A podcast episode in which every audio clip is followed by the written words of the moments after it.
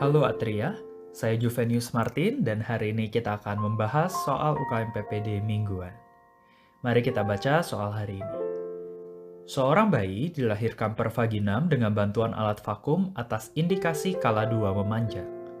Berat badan lahir pasien 4.750 gram dengan skor Apgar menit ke-1 9 dan menit ke-5 10. Tiga jam kemudian, tampak adanya benjolan pada kepala atregio parietal kanan yang bersifat kenyal dan tidak berdenyut. Benjolan tersebut tidak menembus garis sutura. Pemeriksaan tanda vital dan pemeriksaan fisik lainnya dalam batas normal. Apakah diagnosis yang paling mungkin pada kasus ini? A. Lipoma B. Cefalohematoma C perdarahan subgaleal, D. Kaput succedaneum, E. Encephalokel. Saya akan memberikan waktu teman-teman beberapa detik untuk menemukan jawaban yang paling tepat. Ya, jawaban yang paling tepat adalah B. Cephal hematoma. Kelainan yang dialami pasien adalah salah satu dari tiga komplikasi pada kepala bayi yang dapat muncul pada persalinan yang dibantu dengan vakum atau forceps. Sebelum mengenal ketiga penyakit ini, mari kita mengingat terlebih dahulu lapisan kulit kepala yang ada pada manusia, atau yang dalam bahasa Inggris kita sebut dengan scalp. Mengapa menggunakan bahasa Inggris? Karena scalp dapat dijadikan sebagai jembatan keledai untuk kita dapat menghafal lapisan pembungkus tengkorak. Scalp Huruf pertama S, singkatan dari skin. Skin adalah kulit kepala yang merupakan lapisan terluar dari tengkorak kita. Lapisan di bawah skin adalah C, connective tissue. Connective tissue adalah jaringan ikat atau yang dapat disebut sebagai lapisan subkutis. Lapisan di bawah connective tissue adalah A, aponeurosis. Aponeurosis adalah jaringan ikat fibrosa berwarna putih yang menghubungkan otot frontalis dengan otot occipitalis. Di kepala, aponeurosis ini memiliki bahasa Latin yang disebut sebagai Galea aponeurotica. Kata Galea ini nanti akan menjadi penting. Jaringan di bawah Galea aponeurotica ini adalah L, loose areolar tissue Loose areolar tissue adalah jaringan ikat longgar yang mengandung vena emisaria. Karena vena ini berada di jaringan ikat longgar, kerusakan pada vena ini akan menyebabkan perdarahan dalam jumlah besar. Lapisan paling dalam adalah P, periosteum. Peri artinya sekitar dan osteum artinya tulang. Artinya, Lapisan periosteum adalah lapisan jaringan ikat yang menempel kuat dengan tulang, termasuk pada bagian suturanya.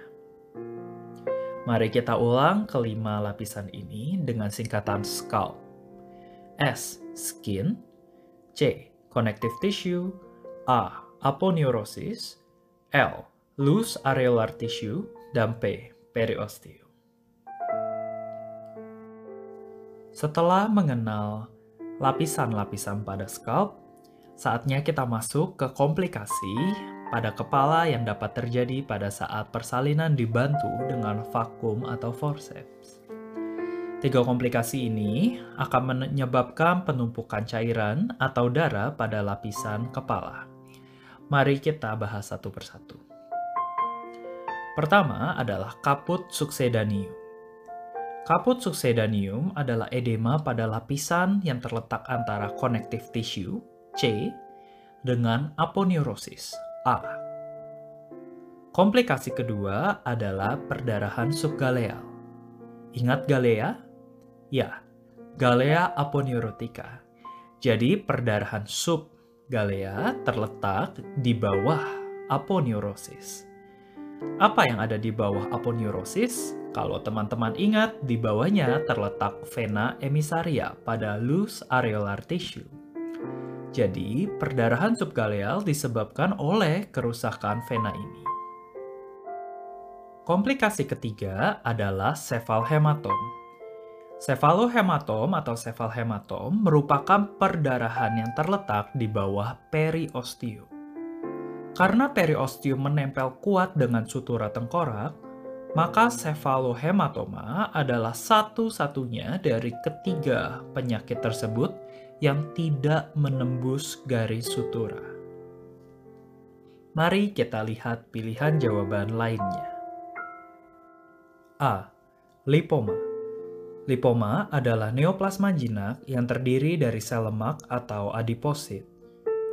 Pada neonatus, lipoma sangat jarang ditemukan dan tidak akan muncul dalam beberapa jam kehidupan seperti pada kasus kita. Lipoma pada neonatus biasanya melibatkan area punggung, leher, dan abdomen, bukan kepala sisi parietal sehingga pilihan A merupakan pilihan yang kurang tepat. Pilihan C. Perdarahan subgaleal juga merupakan salah satu komplikasi pada daerah kepala akibat persalinan dengan bantuan vakum. Namun, lokasi perdarahan ini terletak di antara periosteum dan aponeurosis. Akibat lokasi yang di atas periosteum, maka perdarahan subgaleal akan menembus garis sutura.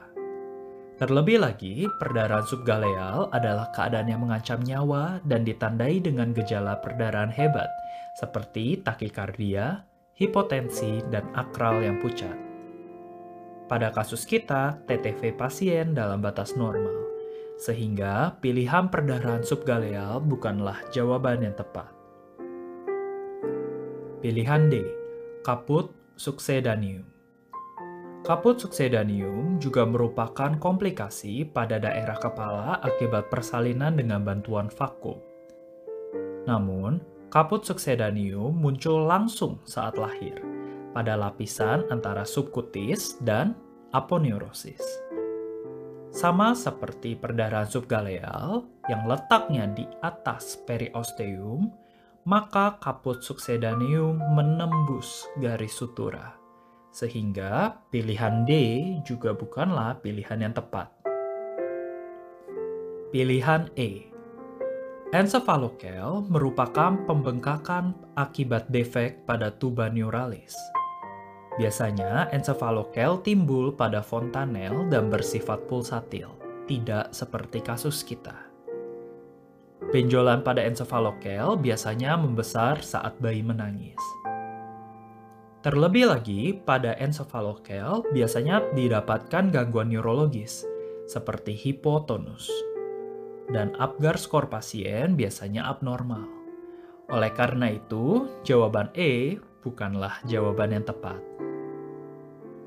Jawaban yang tepat adalah B, sefal hematoma. Sefalhematoma merupakan komplikasi juga pada kepala bayi akibat persalinan dengan bantuan vakum. Benjolan biasanya muncul beberapa jam setelah kelahiran. Sefalhematoma terletak pada subperiosteum, sehingga sefalhematoma dibatasi oleh garis sutura seperti pada kasus kita. Sefalhematoma tidak membutuhkan terapi khusus, karena biasanya darah akan teresorpsi dalam waktu beberapa minggu. Untuk merangkum, ingat, ada tiga komplikasi kepala pada janin yang dapat terjadi pada saat persalinan dibantu dengan vakum. Pertama, kaput succedaneum adalah edema yang terjadi pada lapisan di antara subkutis dan aponeurosis. Edema ini melewati garis sutura. Kedua, perdarahan subgaleal. Seperti namanya, perdarahan ini terletak di bawah galea aponeurotica dan berada di antara aponeurosis dengan periosteum. Akibat letak di atas periosteum, perdarahan subgaleal juga melewati garis sutura. Ketiga, sefal hematoma merupakan satu-satunya perdarahan yang tidak melewati garis sutura sefalhematoma dapat sembuh dengan sendirinya. Terima kasih telah mendengarkan episode Atriakes yang ketiga. Saya tunggu teman-teman di episode Atriakes berikutnya.